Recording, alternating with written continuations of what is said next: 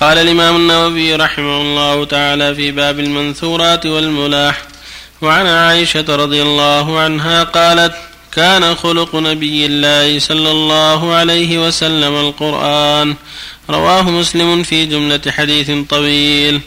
وعنها رضي الله عنها قالت قال رسول الله صلى الله عليه وسلم من أحب لقاء الله أحب الله لقاءه ومن كره لقاء الله كره الله لقاءه فقلت يا رسول الله كراهية الموت فكلنا نكره الموت قال ليس كذلك ولكن المؤمن إذا بشر برحمة الله ورضوانه وجنته أحب لقاء الله فأحب, فأحب الله لقاءه وإن الكافر إذا بشر بعذاب الله وسخطه كره لقاء الله وكره الله لقاءه.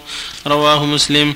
وعن أم المؤمنين صفية بنت حيي رضي الله عنها قالت كان النبي صلى الله عليه وسلم معتكفا فأتيته وأزوره ليلا فحدثته ثم قلت لينقلب فقام معي ليقلبني فمر رجلان من الأنصار رضي الله عنهما فلما رأي النبي صلى الله عليه وسلم أسرعا فقال صلى الله عليه وسلم على رسلكما إنها صفية إنها صفية بنت حيي. فقال سبحان الله يا رسول الله. فقال إن الشيطان يجري من ابن آدم مجرى الدم وإني خشيت أن يقذف في قلوبكما شرا أو قال شيئا. متفق عليه. وبالله التوفيق. الحمد لله. صلى الله وسلم على رسول الله وعلى آله وأصحابه ومن اهتدى بهداه. أما بعد فهذه الأحاديث الثلاث في معاني ثلاثة متنوعة من المنثورات والملح كما ذكر المؤلف يعني من الأحكام المتعددة. منها الحديث الأول وهو قول عائشة رضي الله عنها لما سئلت عن خلق النبي صلى الله عليه وسلم قالت كان خلقه القرآن. والله يقول جل وعلا وإنك لعلى خلق عظيم. كان خلقه صلى الله عليه وسلم العمل بما دل عليه القرآن والاجتهاد فيما دل عليه القرآن ودعا إليه من فعل الأوامر وترك النواهي والإكثار من ذكر الله واستغفاره والتوبة إليه. هذا هو خلقه صلى الله عليه وسلم. لأن القرآن يدعو إلى هذا يدعو إلى فعل ما أمر الله وإلى ترك ما نهى الله وإلى كثرة الذكر والاستغفار والتوبة والاعتبار بالماضين. فهكذا كان صلى الله عليه وسلم. يكثر من ذكر الله ومن الاستغفار. ويأتي الأوامر ويدع النواهي ويعتبر بقصص الماضين. الذي قال فيه جل وعلا نحن نقص عليك أحسن القصص. لقد كان في قصصهم عبرة لأولي الألباب. هكذا ينبغي المؤمن أن يعتني بالقرآن ويعمل بمقتضاه. ويكون خلقه القرآن. كتاب أنزلناه إليك مبارك ليدبروا آياته وليتذكر أولو الألباب. ويقول جل وعلا وهذا كتاب أنزلناه مبارك فاتبعوه واتقوا لعلكم ترحمون. فالمؤمن يجب أن يكون خلقه القرآن فعل الأوامر وترك النواهي والعناية بما فيه من ذكر الله والتوبة إليه والاستغفار والاعتبار بقصص الماضين. والاتعاظ بما أصابهم. والحديث الآخر يقول صلى الله عليه وسلم من أحب لقاء الله أحب الله لقاءه. ومن كره لقاء الله كره الله لقاءه. قالت عائشة رسول الله أهوى الموت. كلنا يكره الموت يعني كل إنسان يكره من طبيعته ما يحب الموت. قال لا, لا يا عائشة ليس هوى. ولكن المؤمن إذا احتضر إذا حضره الأجل وبشر برحمة الله ورضوانه أحب لقاء الله فأحب الله لقاءه. والكافر متى احتضر حضره الأجل بشر بغضب الله وسخطه فيكره لقاء الله ويكره الله لقاءه. فهذا يوجب للمؤمن الاستعداد للآخرة ويجتهد في طاعة الله ورسوله حتى إذا حضره الأجل بشره الملك برحمة الله ورضوانه وجنته. فيحب لقاء الله ويحب الله لقاءه. هكذا المؤمن يحب لقاء الله ويحب الله لقاءه والكافر بضد ذلك لأنه عند الموت يبشر بغضب الله وسخطه فيكره لقاء الله ويكره الله لقاءه. الحديث الثالث. حديث صفية رضي الله عنها. كان النبي صلى الله عليه وسلم يعتكف في رمضان وزارته صفية في الليل. فتحدثت عنده بعض الشيء. ثم قامت فقام معها يقلبها إلى باب المسجد. فمر رجلان من الأنصار رضي الله عنهم فلما رأى النبي صلى الله عليه وسلم استعجله فقال على رسلكم يعني على مهلكم. إنها صفية بنت حيي خشي أن يلقي الشيطان في قلوب شرا أنها أجنبية. قال سبحان الله يا رسول الله. يعني ما أنت محل الشك؟ قال إن الشيطان يجري من ابن آدم مجرى الدم. وإني خشيت أن يقذف في قلوبهم شرا أو قال شيئا. ففي هذا الإنسان يبتعد عن مواقف التهم. وإذا قدر له موقف يخشى أن يتهم فيه يبين الأمر حتى لا يتهم. وقع موقف مع زوجته أو مع أمه أو مع أخته فخشي أن يظن مار أو أحد أنه مع أجنبية أو مع أنه يتهم بشيء يبين ما يدفع التهمة ويبتعد عن أسباب التهمة. فالحديث ينبهنا على أن المؤمن يبتعد عن أسباب التهمة. وإذا قدر شيء صرح بالأمر الواضح حتى لا تقع التهمة وفيه من الفوائد أن المعتكف يزار المعتكف يزار يزوره أهله يزور بعض أحبابه يتحدث عنده بعض لا بأس ولو أنه معتكف يزار. وفيه من الفوائد أن المزور إذا قام مع الزائر يؤانسه حتى يصل باب المسجد, باب المسجد إذا كان معتكف أو باب المجلس حتى يخرج. هذا من إكرام الزائر. إذا قال السلام عليكم يقوم تقوم معه تمشي معه. تقلبه إلى باب المجلس باب السوق من باب إكرامه مثل ما قام النبي مع صفية معها حتى وصلت باب المسجد يتحدث معها. فالزائر يكرم بالسلام عليه والتحفي عنه ومصافحته ومقابلته. وإذا قام معه المزور إذا رأى المصلحة في ذلك أنه يقوم معه ويمشي معه حتى يصل إلى باب المجلس أو باب السوق فلا هذا طيب من باب الإكرام والإحسان. آه، وفق الله الجميع. أكثر من الزيارة في الاعتكاف. بعضهم يكثر الزيارة ويكثر الحديث. على كل حال الزيارة لا بأس بها. والزيارة والحديث إذا كان في الخير وفي علم وفائدة كله طيب. الحمد لله. نعم. زيادة فضيق عليه مجاريه بالصوم. نعم. زيادة فضيق عليه مجاريه بالصوم. صحيحة؟ ما أعرف. ما أعرف. هو ما أعرف هذا نعم. نعم. نعم. بسم الله الرحمن الرحيم. يقول السائل مات رجل وترك ممتلكات عقارات أراضي ولم يترك مالا. وبيع هذه العقارات تحتاج إلى وقت. فهل يجوز أن يعطى أولاده من الزكاة؟ مصاريف للمعيشة حتى يبيعوا بعض ممتلكاتهم من الميراث. أعد السؤال. يقول مات رجل وترك ممتلكات عقارات أراضي ولم يترك مالا وبيع هذه العقارات تحتاج إلى وقت. فهل يجوز أن يعطى أولاده من الزكاة؟ مصاريف للمعيشة حتى يبيعوا بعض ممتلكاتهم من الميراث. لا يعطوا يبيعون لا. يبيعون يأكلون لا يشدون في البيع يبيعون ما تيسر. اللي عنده عقارات يبيع ما تيسر ما هو محتاج. واللي يسلف حتى يبيع ما عليه خطر. صلى الله عملك يصير في مناسبات. مناسبات في قصر زواج كذا فتحين وقت الصلاة.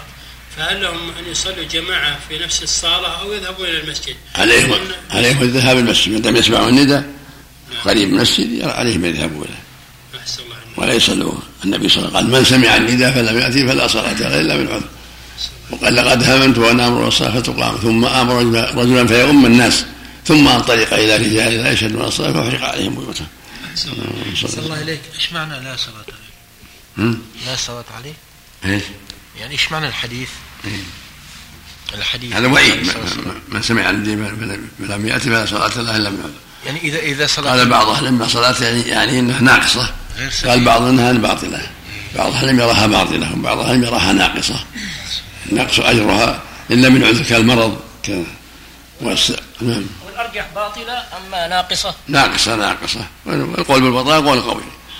ذكر شيخ الإسلام ابن تيمية رحمه الله قولين أحدهما أنها باطلة وأن الجماعة شر والقول الثاني أنها نقص يعني ينقص بعض ثوابها لأن الجماعة خارجة عن الصلاة مثل الأذان.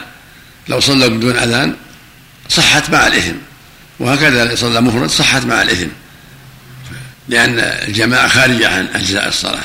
والأذان خارج عن أجزاء الصلاة. مالك قال لهم يعني يجيبون النداء يعني أسأل الله ما يقال مثلا أنهم جماعة؟ لا عليهم أن يجيبوا النداء. صلوا مع الناس إذا كانوا يسمعون النداء قريب. مو من أجل المكبر. هم قريب لو لو ما هم مكبر لو صوت العالي سمعوا. المكبر قد يسمع من بعيد. أحسن الله إليك. يجوز اقتناء الحيوانات المحنطة؟ ما ينبغي لا لأن فيها مفاسد. قد يعتقد فيها شيء من من الاعتقادات الفاسدة. هل يعلقونها في بيوتهم؟ وقد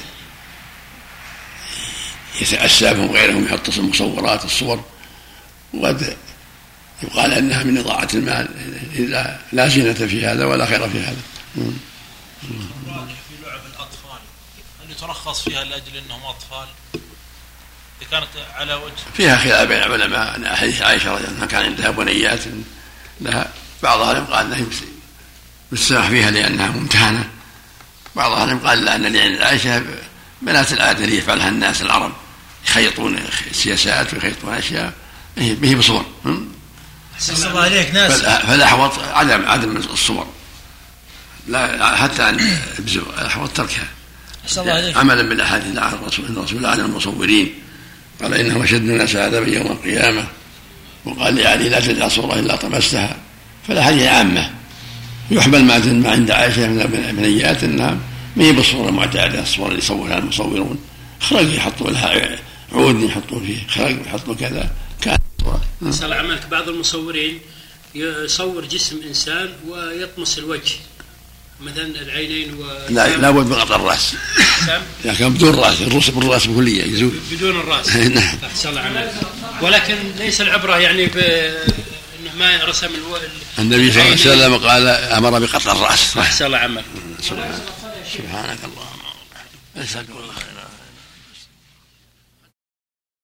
قال الإمام النووي رحمه الله تعالى في باب المنثورات والملاح وعن أبي الفضل العباس بن عبد المطلب رضي الله عنه قال شهدت مع رسول الله صلى الله عليه وسلم يوم حنين فلزمت أنا وأبو سفيان بن الحارث بن عبد المطلب رسول الله صلى الله عليه وسلم فلم نفارقه ورسول الله صلى الله عليه وسلم على بغلة له بيضاء. فلما التقى المسلمون والمشركون ولى المسلمون مدبرين. فطفق رسول الله صلى الله عليه وسلم يركض بغلته قبل الكفار. وأنا آخذ بلجام بغلة رسول الله صلى الله عليه وسلم. أكفها إرادة أن لا تسرعه وأبو سفيان آخذ بركاب رسول الله صلى الله عليه وسلم. وأبو سفيان. وأبو سفيان آخذ بركاب رسول الله صلى الله عليه وسلم. فقال رسول الله صلى الله عليه وسلم أي عباس نادي أصحاب السمرة؟ قال العباس وكان رجلا صيتا فقلت بأعلى صوتي أين أصحاب السمرة؟ فوالله لكأن عطفتهم. فك لكأن أطفتهم أطفتهم حين سمعوا صوتي أطفة البقر على أولادها فقالوا يا لبيك يا لبيك فاقتتلوا فاقتتلوا وهم فاقتتلوهم الكفار والدعوة في الأنصار يقولون يا معشر الأنصار يا معشر الأنصار ثم قصرت الدعوة على على بني الحارث بن الخزرج فنظر رسول الله صلى الله عليه وسلم وهو على بغلته على بغلته كالمتطاول عليها إلى قتالهم فقال هذا حين حمي الوطيس. ثم أخذ رسول الله صلى الله عليه وسلم حصيات فرمى بهن وجوه الكفار. ثم قال انهزموا ورب, ورب محمد. فذهبت أنظر فإذا القتال على هيئته فيما أراه فوالله ما هو إلا أن رماهم بحصياته. فما زلت أرى حدهم كليلا وأمرهم مدبرا. رواه مسلم. وعن أبي هريرة رضي الله عنه قال قال رسول الله صلى الله عليه وسلم أيها الناس إن الله طيب لا يقبل إلا طيبا وإن الله أمر المؤمنين بما أمر به المرسلين. فقال تعالى يا أيها الرسل كلوا من الطيبات واعملوا صالحا.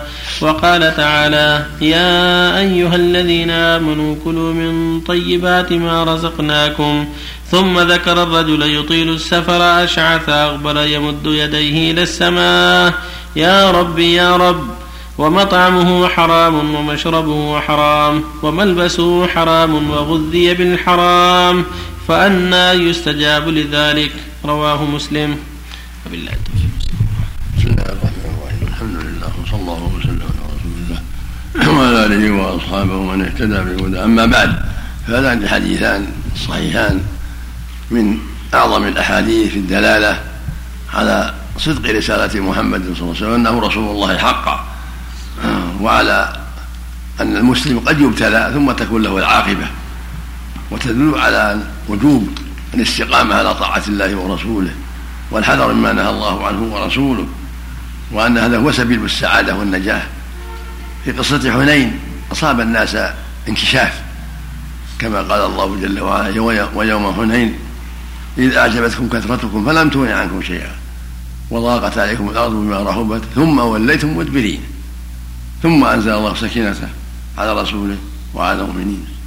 وأنزل جنود لم تروها وعذب الذين كفروا وذلك جزاء الكافرين. ثم يتوب الله من على من يشاء والله غفور رحيم. المقصود أن الله جل وعلا يبتلي عباده في السراء والضراء والشدة والرخاء. يوم حنين بعد فتح مكة. بعد فتح الله عليه مكة سنة ثمان تجمعت هوازن ومن معهم من أهل الطائف والتقوا مع النبي صلى الله عليه وسلم في حنين وادي يقال حنين. وهم معهم. أنعامهم ونساؤهم وذراريهم. قد جعلوها خلفهم حتى يكون ذلك أشجع لهم في القتال. جعلوا نساءهم وذرياتهم ونعمهم كله وراءهم حتى يحاموا عنهم لئلا يفر ولكن لا يغني عن ذلك شيئا. إذا أراد الله الهزيمة لم يغني شيئا. وكانوا أهل أهل أهل نبل أهل رمي. فلما اشتد رميهم حصل انكشاف على المسلمين وهزيمة في أول الأمر ثم صاح فيهم العباس بأمر النبي صلى الله عليه وسلم يا أهل الشجرة يا أهل السمرة. يعني التي حصل عندها عندها البيعة يوم يوم الحديبية. فتوافدوا بسرعة إلى جهة القتال قال لبيك. لبيك فتقدموا للقتال والنبي صلى الله عليه وسلم على بغلته يركضها إلى جهة العدو أمام أمام الجيش أمام القوم عليه الصلاة والسلام. والعباس آخذ بالإجامة يكفها بعض الشيء. وأبو وأبو سفيان بن الحارث بن عبد المطلب آخذ بركاب النبي صلى الله عليه وسلم وهو يقول صلى الله عليه وسلم أمام أم يركض البغلة أمام إلى جهة العدو ويقول انهزموا رب الكعبة ثم رماهم بحصيات فما زال حدهم كليلا وأمرهم مدبرا ثم تلاحق المسلمون وهزم الله العدو. وصارت الدائرة عليهم فاستولى المسلمون على نسائهم وذرياتهم وجيشهم وأنعامهم كلها وانهزم القوم. فاستولى المسلمون على النساء والذرية وعلى إبلهم وغنمهم وصارت كلها غنيمة للمسلمين يوم حنين. ثم بعد ذلك جاءوا مسلمين جاءوا إلى النبي مسلمين بعد الواقعة فقالوا فقال لهم صلى الله عليه وسلم أنتم ترون الآن معنا والجيش والناس معي وأحب الكلام إلي أصدقه اختاروا أحد الأمرين إما نساؤكم وإما أموالكم. أما أن يرد عليكم النساء والأموال؟ لا بعدما أسلموا. قالوا إذا كان ولا بد نختار نساءنا وأولادنا. بدلا من يسبوا تردهم علينا. فخطب الناس واستسمحهم في رد السبي وقال من طابت نفسه بذلك فالحمد لله ومن لم تطب نفسه نعوضه من أول ما يوفيه الله علينا. فطابت نفوس الصحابة كلهم وسمحوا برد نسائهم وذرياتهم إليهم لما أسلموا فردهم إليهم. أما الإبل الغانم فقسمها بين المسلمين غنيمة ونفذ ناس من رؤساء العرب نفلا كبيرا. فأعطى ناس جماعة من رؤساء العرب على مئة من الإبل تأليفا لقلوبهم. كعيينة بن حصن والأقرع بن حابس والعباس بن مجاز وجماعة أعطاهم على مئة من الإبل تأليفا من الخمس. وقسم الأخمس الأربعة الأخماس بين الغانمين ونصر الله دينه وأعز جنده وهزم الأحزاب وحده سبحانه وتعالى. فهذه من من الآيات العظيمة ومن دلائل صدق رسالته عليه وأنه رسول الله حق عليه الصلاة والسلام. ويدل هذا على شجاعته العظيمة كون يتقدم أمام العدو إلى جهة العدو والناس قد انهزموا فيتقدم ويقول أنا النبي ولا كذب أنا ابن عبد المطلب ويطلب من الجيش التقدم ويقول شاهت الوجوه أدبروا هذا كله يدل على الشجاعة العظيمة والثبات العظيم عليه الصلاة والسلام. وفي الحديث الثاني يقول صلى الله عليه وسلم إن الله تعالى طيب طيب في ذاته طيب في أسمائه وصفاته جل وعلا لا مثيل له. ليس كمثله شيء وهو السميع البصير سبحانه وتعالى هو الكامل في كل شيء جل وعلا. ومن طيبه لا يقبل إلا طيبا لا يقبل الاعمال التي فيها شرك ولا يقبل الصدقات اللي من مال خبيث ولا يقبل الاعمال التي تخالف شرعه فهو لا يقبل إلا طيبا والطيب من الأعمال ما وافق الشرع. ما وافق الشرع وكان لله خالصا هذا طيب. ومن الصدقات ما كان لله وكان من كسب طيب. ثم قال إن الله أمر المؤمنين بما أمر به المرسلين. فقال تعالى يا أيها الذين آمنوا كلوا من طيبات ما رزقناكم واشكروا لله. وقال يا أيها الرسل كلوا من الطيبات واعملوا صالحا. هذا الواجب على الجميع. الله أباح لهم الطيبات فيستعينوا بها. يأكل من الطيبات يلبس من الطيبات يستقيم على طاعة الله. يشكر الله على نعمه. كل من الطيبات واعمل ما شرع الله لك. ولهذا قال واعملوا صالحا. قال المؤمن اشكروا لله. فالواجب على المؤمن أن يستعين بنعم الله على طاعة الله وأن يشكر الله على أنعامه. فالله وباح له الطيبات. هو الذي خلق لكم ما في الأرض جميعا. يا أيها الناس كلوا من طيبات ما رزقناكم. يا أيها الذين كلوا من طيبات ما رزقناكم. فالله أباح لهم الطيبات من المآكل والمشارب والملابس والملابس والمناكح كلها من الطيبات. فعليهم أن يستعملوا الطيبات وأن يشكروا لله ويعملوا صالحا. شكرا لله جل وعلا. ثم ذكر الرجل يطيل السفر أشعث أغبر يمد يديه إلى السماء يا رب يا رب يسأل. ومطعمه حرام ومشربه حرام وملبسه حرام وغذي بالحرام. فأنى يستجاب لذلك. يعني بعيد يستجاب لمن هذا شأنه من هذا شأنه بعيد يستجاب له. ملبسه حرام مطعمه حرام مشربه حرام وغذي بالحرام. قد تعاطى أسباب منع أسباب عدم الإجابة نسأل الله العافية. هذا يوجب الحذر من أكل الحرام وان المؤمن يتحرى في مكسبه كسب الطيب ويحذر من المكاسب الخبيثة بالخيانة أو بالغش أو بالربا أو بالسرقة أو ما أشبه ذلك. يحذر. عليه يتقي الله وأن يعتني بالمكاسب الطيبة من الزراعة البيع الطيب وما أشبه ذلك. التجارة السليمة وفق الله الجميع أحسن الله عليك الرواية في قول وغذي أو وغذي. ما ما يعني يشدد وخفف وذي ووذي نعم. يقال غداه غذاء وغداه تغذية نعم. ما زلت أرى حدهم كليلا. نعم. ما زلت أرى حدهم كليلا معناه أحسن الله يعني ضع قد ضعفوا قد ضعفوا. الحد الكليل في الستين سنة لما ما تسوي شيء. حدهم كليل قد ضعفوا وأدبر شأنهم وهل يحصل أحسن الله عليك في هذه الأيام أن الإنسان يرجم دبابة أو كذا ثم تتفجر بإذن الله؟ نعم. هل يحصل الله أحسن الله عليك أن أحدهم يصلي ركعتين ثم يرمي دبابة بحصى فتتفجر كرامة من الله؟ لا قد يقع قد يقع قد يقع قد يقع. كرامات الأولياء حق. أثبتها المؤمنون إذا كان صاحبها مستقيما على طاعة الله ورسوله قد يعطيه الله كرامة في القتال وفي غير القتال. أحسن الله عملك بعض الناس مثلا إذا نصح مثلا عن بيع مثلا أنه يبيع مثلا محرمات كأجهزة محرمة أو كذا يقول هذا مصدر رزقي.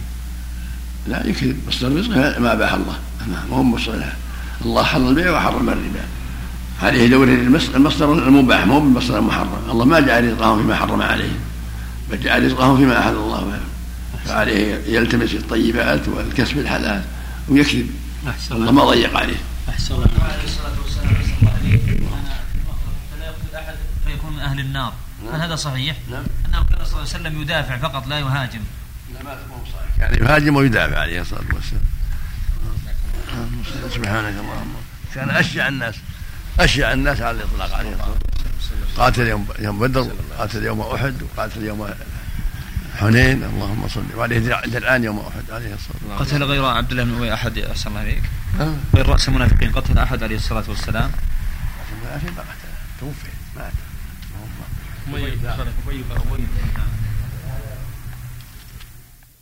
قال الإمام النووي رحمه الله تعالى في باب المنثورات والملاح وعن أبي هريرة رضي الله عنه قال قال رسول الله صلى الله عليه وسلم ثلاثة لا يكلمهم الله يوم القيامة ولا يزكيهم ولا ينظر إليهم ولهم عذاب أليم.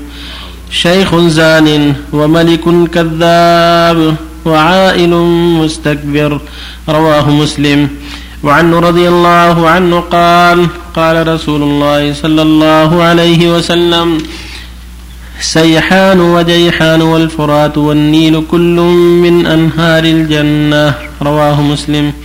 وعنه رضي الله عنه قال أخذ رسول الله صلى الله عليه وسلم بيدي فقال خلق الله التربة يوم السبت وخلق في الجبال يوم يوم الأحد.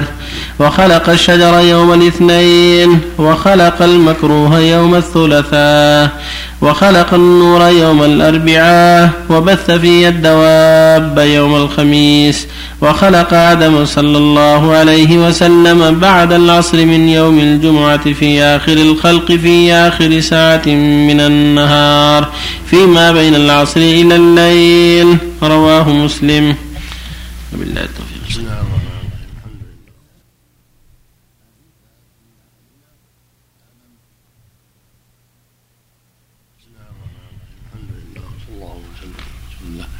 وعلى اله وأصحابه ومن اهتدى أما بعد فهذه الأحاديث ثلاثة فيها فوائد وأحكام متعددة عن النبي عليه الصلاة والسلام.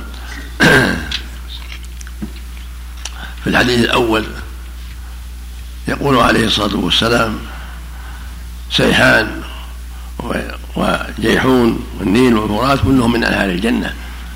هذه أصلها من أهل الجنة وهي في الدنيا لكن الله جل وعلا جعل أصلها في الجنة ويسر منها هذه النماذج في هذه الدنيا وهي معروفة.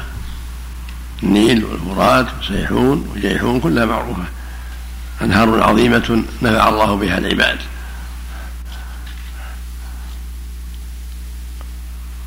والحديث الآخر الحديث الأول عندك.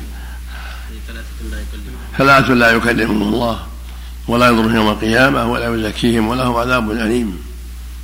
شيخ زاني وملك كذاب وعائل مستكبر هذا فيه أيضا التحذير من هذه الخصال الشنيعة الزنا والكذب والتكبر. فالواجب على كل مسلم حذر من هذه الخصال. حتى ولو من الشاب الزنا محرم كبيرة من كبائر الذنوب من الشيخ والشاب. ولكنه من الشيخ والشيبة يكون أقبح وأشد إثما لضعف الدواعي ويدل على أن هذا سجية له وغريزة. فالزنا من أقبح السيئات ومن أعظم الكبائر من الشيخ والشاب ومن الشيخ أقبح. وهكذا الكذب محرم على الجميع ولكنه من الكذب. إن أعطاه الله من الدنيا ما أعطاه ولم يحوجه إلى الكذب فإذا تعود الكذب صار ذلك سجية له. وضر العباد والبلاد. وهكذا التكبر محرم من الغني والفقير. لكن من الفقير أشد. لقلة الدواعي وضعف الدواعي. فيجب الحذر من الكبر والكذب وفاحشة الزنا. لكونها كلها من الكبائر. قال الله جل وعلا ولا تقربوا الزنا إنه كان فاحشة وساء سبيلا. وقال جل وعلا إنما يفتري كذب الذين يؤمنون بآيات الله وأولئك هم الكاذبون. وقال في النار بئس مثوى المتكبرين وقال عليه الصلاة والسلام الكبرياء ردائي والعظمة إزاري فمن نازعني واحدا منهما عذبته.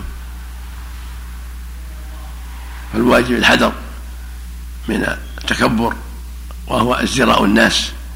قال رجل يا رسول الله إني أحب أن يكون علي حسنة حسنة وثوبي حسنة. أفذلك من الكبر؟ فقال صلى الله عليه وسلم إن الله جميل يحب الجمال الكبر بطر الحق وأمط الناس. هذا الكبر بطر الحق وأمط الناس. بطر الحق يعني رد الحق وعدم قبوله اتباعا للهوى. وغمض الناس يعني احتقار الناس. الواجب الحذر من هذه الخصال الذميمة.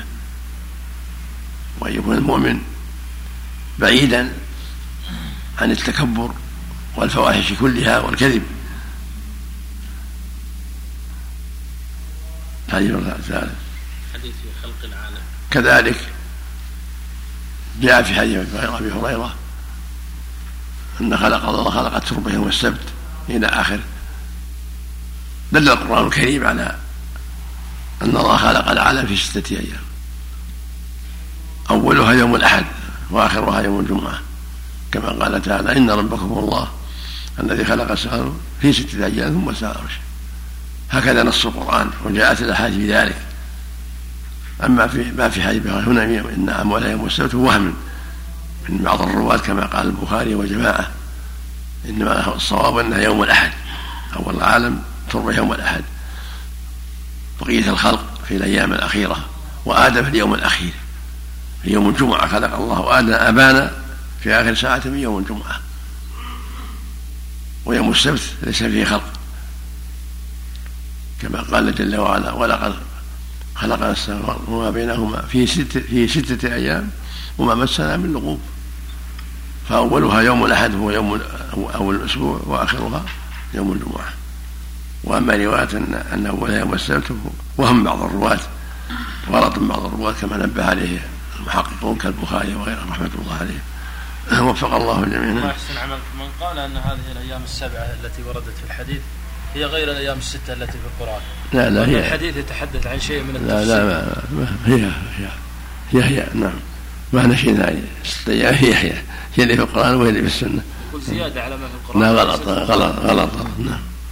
غلط نعم الله كيف نجمع بين حديث الرسول لا يدخل الجنة بعمله برحمة الله وقوله تعالى تلك الجنة التي نورثتموها بما كنتم تعملون. يعني بأسباب أعمالكم.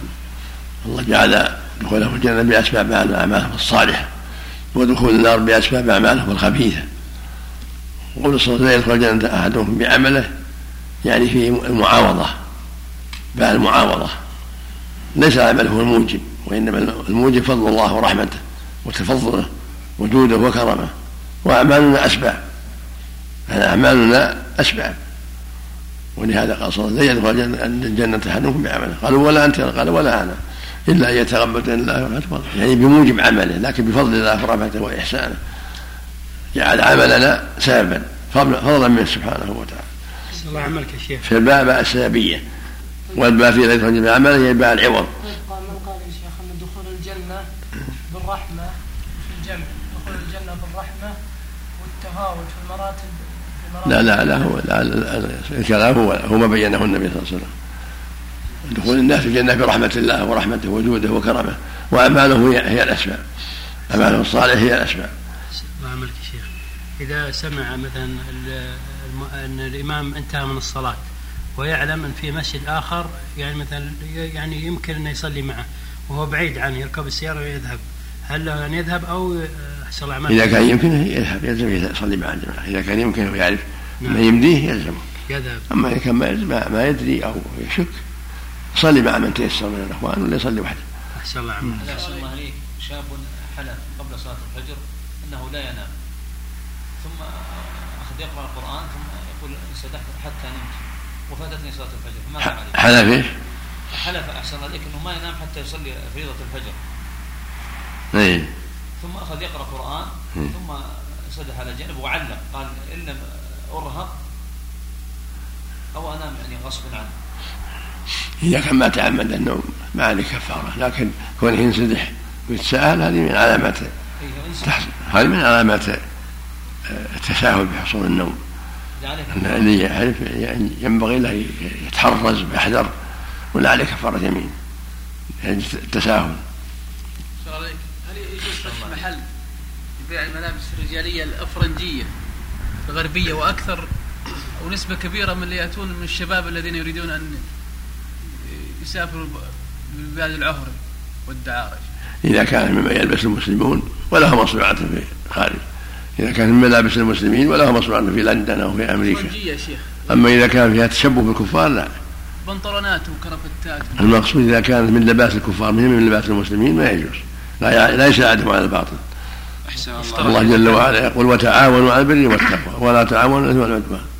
نسأل الله العافية. إذا كانت مشتركة كانت مشتركة بين المسلمين؟ إذا كانت مشتركة مثل السيارة إن تركبها يركبها الكفار والطيارة كذلك. أحسن الله المشترك ما في شيء. من قال إن الحيوانات الطيارات مو خاصة بالكفار والسيارات مو خاصة بالكفار. من قال إن الحيوانات خلقت قبل الإنسان بمليوني سنة. الله أعلم. درسنا في مرحلة دراسيه الله أعلم. قل الله أعلم. يحسن لك. قل الله أعلم. سبحانك الله سبحانك لا علم لنا إلا ما علمتنا. الملائكة.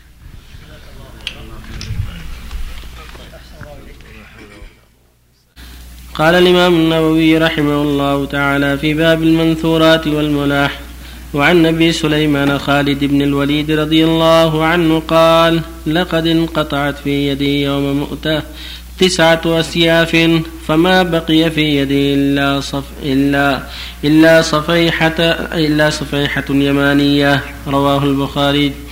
وعن عمرو بن العاص رضي الله عنه أنه سمع رسول الله صلى الله عليه وسلم يقول إذا حكم الحاكم فاجتهد ثم أصاب فله ف... وعن عمرو بن العاص رضي الله عنه أنه سمع رسول الله صلى الله عليه وسلم يقول إذا حكم الحاكم فاجتهد ثم أصاب فله وجران وإن حكم واجتهد فأخطأ فله وجر متفق عليه. وعن عائشة رضي الله عنها أن النبي صلى الله عليه وسلم قال الحمى من فيح جهنم فأبردوها بالماء. متفق عليه. وعنها رضي الله عنها عن النبي صلى الله عليه وسلم قال من مات وعليه صوم صام عنه وليه. متفق عليه. بالله التوفيق. صلى الله عليه بسم الله الرحمن الرحيم الحمد لله صلى الله وسلم على رسول الله وعلى آله وأصحابه ومن اهتدى بهداه. أما بعد فهذه الأحاديث فيها أحكام متعددة. ينبغي لكل مؤمن أن يعرفها لما فيها من الخير العظيم. الأول حديث خالد بن الوليد في الجهاد والصبر عليه والنشاط في مقارعة الكفار لأن الله شرع ذلك. قال تعالى وقاتلهم حتى لا تكون فتنة ويكون الدين كله لله. فالجهاد له شأن عظيم. فإذا يسر الله ذلك فالواجب على المؤمن أن يصبر ويحتسب وأن يبذل وسعه حتى قال خالد انقطعت في يدي تسعة أسياف يوم مؤتة. مؤتة في السنة الثامنة من الهجرة. وصل النبي جيشا إلى الروم فاقتتلوا في محل يقال له مؤتة من جهة الشام. وكان أمر عليهم زيد بن حارثة فإن قتل فجعفر بن أبي طالب فإن قتل فعبد الله بن رواحة وكانوا نحو ثلاثة آلاف مقاتل فاجتمعوا مع عدوهم وعدوهم في نحو ستين ألف مقاتل أو أكثر. حصل قتال شديد وقتل أمير السرية زيد ثم قتل جعفر ثم قتل عبد الله بن رواحة الأمراء الثلاثة رضي الله عنهم. ثم أخذها خالد صلح الناس عليه وأمروه فخذ فقاتل. حتى انقطعت في يده تسعة أسياف تكسرت من ضرب الرجال. ولم تبقى في يده إلا صفيحة يمانية. فتح الله عليهم وانحاز المسلمون وانحاز الكافرون ونصرهم الله عليهم. وهم أقل من من نصف العشر من عدوهم. ولكن الله أيدهم ونصرهم. إن تنصروا الله ينصركم. وكان حقا نصر المؤمنين فلم يقتل من السرية إلا نحو ثمانية أو اثنا عشر شخص من ثلاثة آلاف وهزم الله العدو وانحازوا وحفظ الله المؤمنين وسلمهم وأعزهم وهذا كله من لطفه وتيسيره ومن أسباب توفيق الله لهم أن صبروا واحتسبوا. حتى نصرهم الله على عدوهم؟ في الحديث الثاني يقول عمرو بن العاص رضي الله عنه أنه سمع النبي صلى الله عليه وسلم إذا حكم الحاكم فاجتهد فأصاب فله أجران. وإذا حكم فاجتهد وأصاب وأخطأ فله أجر. الحاكم بين الناس إذا اجتهد في الحق فأصاب فله أجران يعني أجره مضاعف. وإن أخطأ فله أجر على اجتهاده وخطأه مغفور. إذا اجتهد في طلب الحق امير أو قاضي أو غيرهم ممن يجتهد في طلب الحق بأدلته كالدعاة إلى الله والمدرسين. إذا اجتهدوا تحروا الحق يرجى لهم هذا الخير العظيم.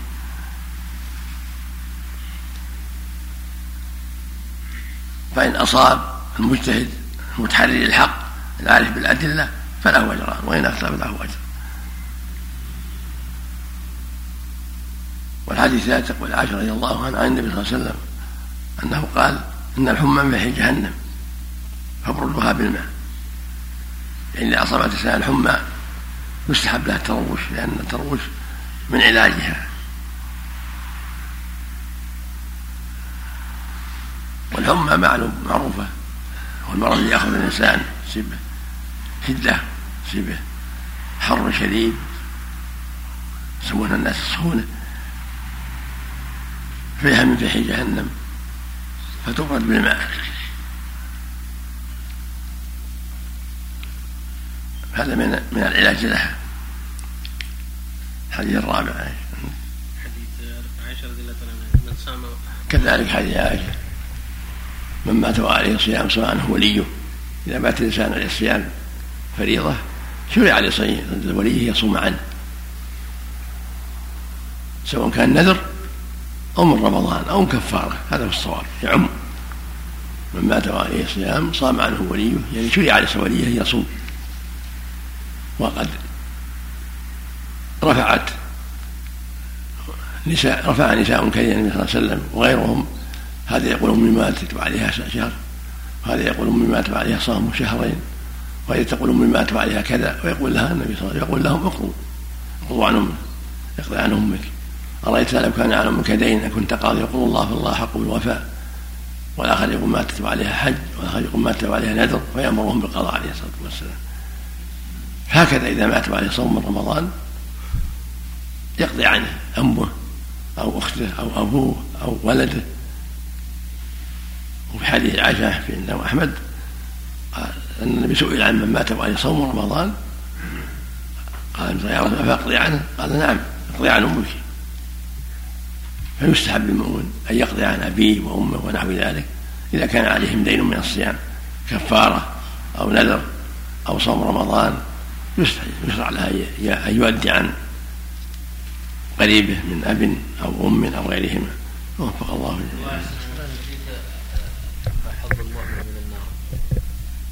ما أتذكر على كل حال من أسباب تكفير السيئات الحمى من أسباب التكفير وحط الخطايا. كسائر الأمراض. الله عملك حتى لو كان مثلا أصابك حمى في أيام الشتاء مثلا يتروش ماء بارد أحسن الله ظاهر الحديث لا مو ماء بارد. ما, ما, ما مناسب يعني بس لا لا يزعجه. ما مناسب. يبردها الماء بقى الماء بالماء البارد. يعني الماء الماء يبردها يخففها. يكون من مناسب حتى لا يعني يشوش عليه. نعم. أحسن الله عمك من قال أن الطب النبوي بالتجربة لا بالوحي. نعم. من قال إن الطب النبوي بالتجربة لا بالوحي. لا النبي يقول يقول ربك جل وعلا وما انطق الهوى إن هو إلا وحي يوحى وعليكم الثلاثة الذين الحديث الثلاثة الذين طرقوا من الصحابة الذين طرقوا أهلهم ليلا مع مع الرسول في غزوة. فوجد كل واحد منهم عند زوجته رجلا. النبي نهى هل هذا الحديث النبي صحيح؟ النبي نهى أن يطرق ليلا عليه الصلاة والسلام. على الرسول أمر أن لا يطرق الرجل أهله ليلا إلا أن يخبران يعني. فلما قدم صلى الله عليه وسلم آخر النهار نزل حول المدينة ثم دخلها بعدما لأنه قد يأتي أهلها على حالة غير مرضية وفي الحديث الآخر لا يتخون أهله. السنة للمؤمن ثابت يا شيخ؟ أن لا يقدم ليلا إلا إذا كان قد أخبرهم وإلا يصبح. هل هذا ثابت عن ثلاثة الصحابة؟ ما أدري ما ما الله عليك اسم ملاك هل في شيء يحصل على ملك؟ ما يسمى في من أسماء الملائكة. ما يسمى في المرأة يسمى في الرجل. أحسن الله ما يسمى في المرأة. مثل ما يسمى جبريل وميكائيل. أحسن تجزيء الصيام يا شيخ على الأولاد. تجزيء الصيام على الأولاد. فصاروا خمسة أولاد كل واحد يصوم بمثل ستة أيام. ما في الأولاد أو الإخوة أو غيرهم. الله يأثمون لله. إذا هذا ما- قضوا عنه. هذا يصوم خمسة وهذا يصوم خمسة عشرة أيام وهذا يصوم؟ لكن لو صامهم كلهم في يوم واحد. ما الظاهر ما يضر ما يضر الحمد لله. قال الإمام النووي رحمه الله تعالى في باب المنثورات والملاح وعن عوف بن مالك بن الطفيل أن عائشة رضي الله عنها حدثت أن عبد الله بن الزبير رضي الله عنهما قال في بيع أو عطاء أعتته عائشة رضي الله تعالى عنها والله لتنهين لتنهين عائشة أو لأحجرن لتنتهين والله لتنتهين. وعن عوف بن مالك بن الطفيل أن عائشة رضي الله عنها حدثت أن عبد الله بن الزبير رضي الله عنهما قال في بيع أو عطاء أعطته عائشة رضي الله تعالى عنها والله لتنتهين عائشة أو لأحجرن عليها. قالت أهو قال هذا. قالوا نعم. قالت قالت هو لله علي نذر ألا أكلم ابن الزبير أبدا. فاستشفع ابن الزبير إليها حين طالت الهجرة. فقالت لا والله لا أشفع فيه أبدا. ولا نذ- إلى نذري. فلما طال ذلك على, على ابن الزبير كلم المسور بن مخرمة وعبد الرحمن بن الأسود بن عبد يغوث وقال لهما أنشدكم الله لما لما لما أدخلتماني على عائشة رضي الله عنها فإنها لا يحل لها أن تنذر قطيعتي فأقبل به المسور وعبد الرحمن حتى استأذن على عائشة فقال السلام عليك ورحمة الله وبركاته. أنا أدخل قالت عائشة ادخلوا. قالوا كلنا. قالت نعم ادخلوا كلكم. ولا تعلم أن معهم ابن الزبير. فلما دخلوا دخل ابن الزبير الحجاب. فاعتنق عائشة رضي الله عنها. وطفق يناشدها ويبكي. وطفق المسور وعبد الرحمن يناشدانها إلا كلمته وقبلت منه. ويقولان إن النبي صلى الله عليه وسلم نهى عما قد علمت عما قد علمت من الهجرة ولا يحل لمسلم أن يهجر أخاه فوق ثلاث ليال فلما أكثروا على عائشة من التذكرة والتحريج طفقت تذكرهما وتبكي وتقول إني نذرت والنذر شديد.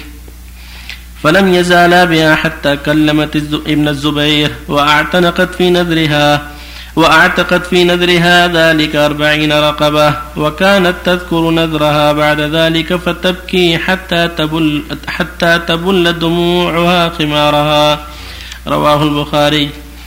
وعن عقبة بن عامر رضي الله عنه أن رسول الله صلى الله عليه وسلم خرج إلى قتلى أحد فصلى عليهم بعد ثمان سنين كالمودع للأحياء والأموات ثم طلع إلى المنبر فقال إني بين أيديكم فرط وأنا شهيد عليكم وإن مودع وعن عقبة بن عامر رضي الله عنه أن رسول الله صلى الله عليه وسلم خرج إلى قتلى أحد فصلى عليهم بعد ثمان سنين كالمودع للأحياء والأموات ثم طلع إلى المنبر فقال إني بين أيديكم فرط وأنا شهيد عليكم وإن موعدكم الحوض وإني لأنظر إليهم من مقام هذا.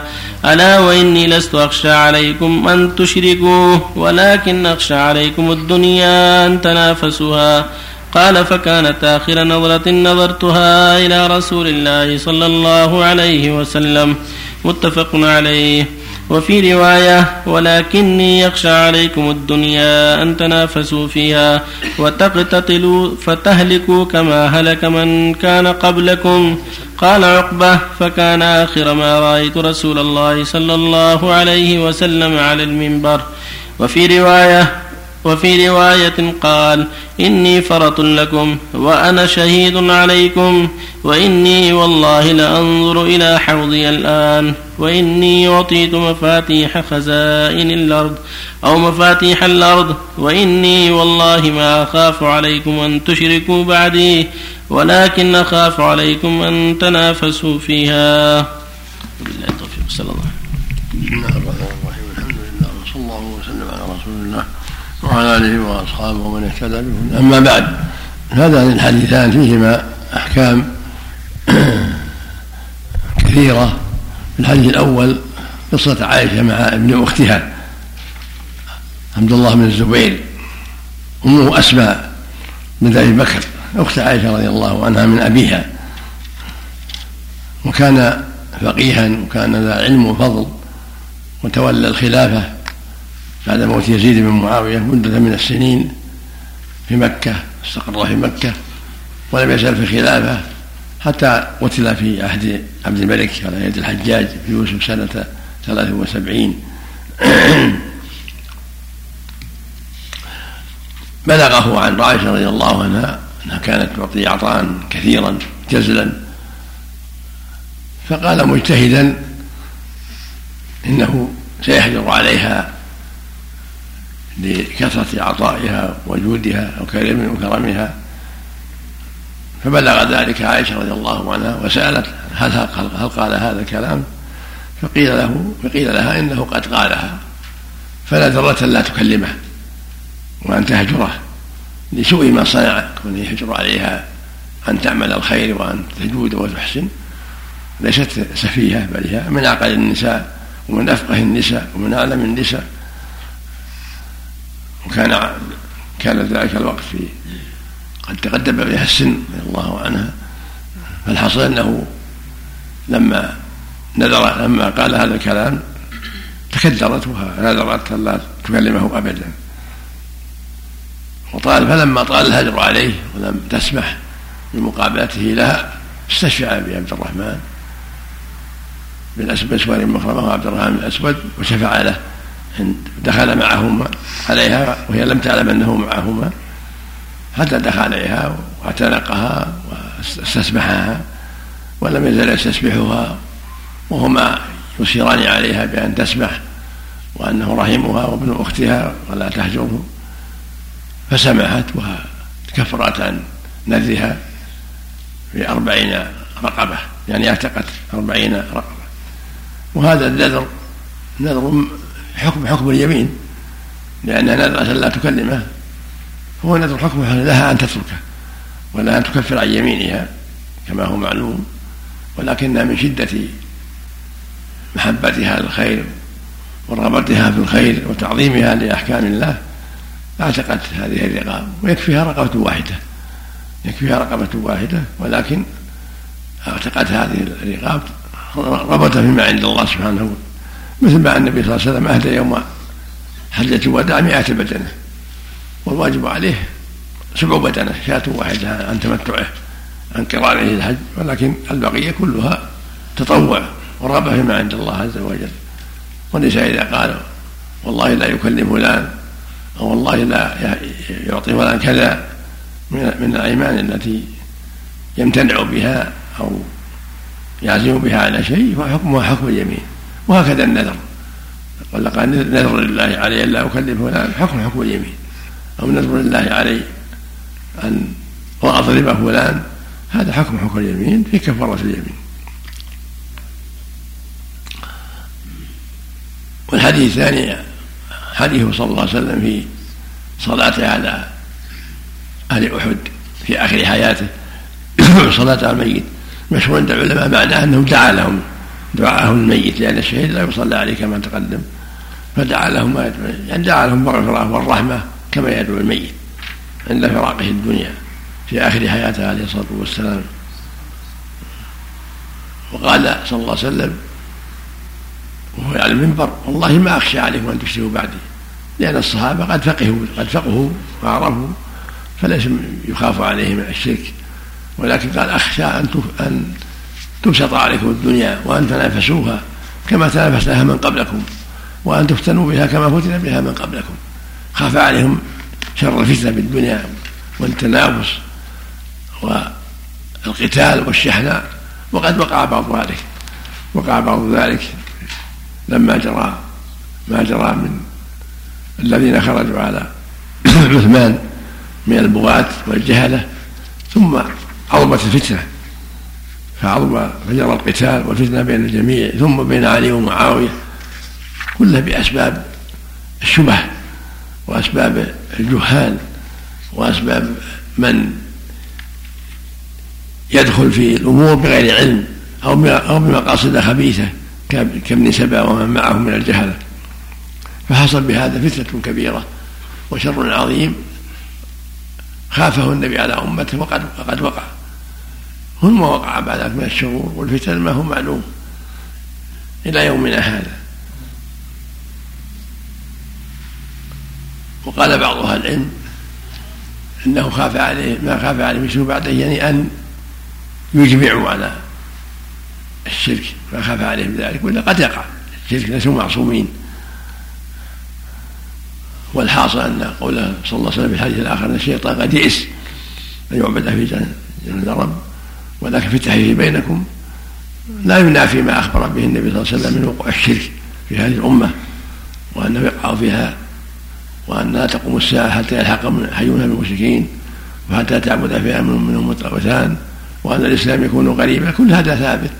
ولكن الصحابة لكمال علمهم وفقههم وفضلهم لم يخف عليهم هذا. ولكن خشي عليهم من أن يحرش الشيطان بينهم كما قد وقع في فتنة عثمان وفتنة علي ومعاوية. وفق الله الجميع. قرابة النصر المخرمة عبد الرحمن يقول في عائشة. من الصحابة بس ما فيها خلوة الصحابة يطلعون عليها ويسألونها عن الأحاديث يستفتونها. لا حرج في ذلك. المحرم الخلوة فقط.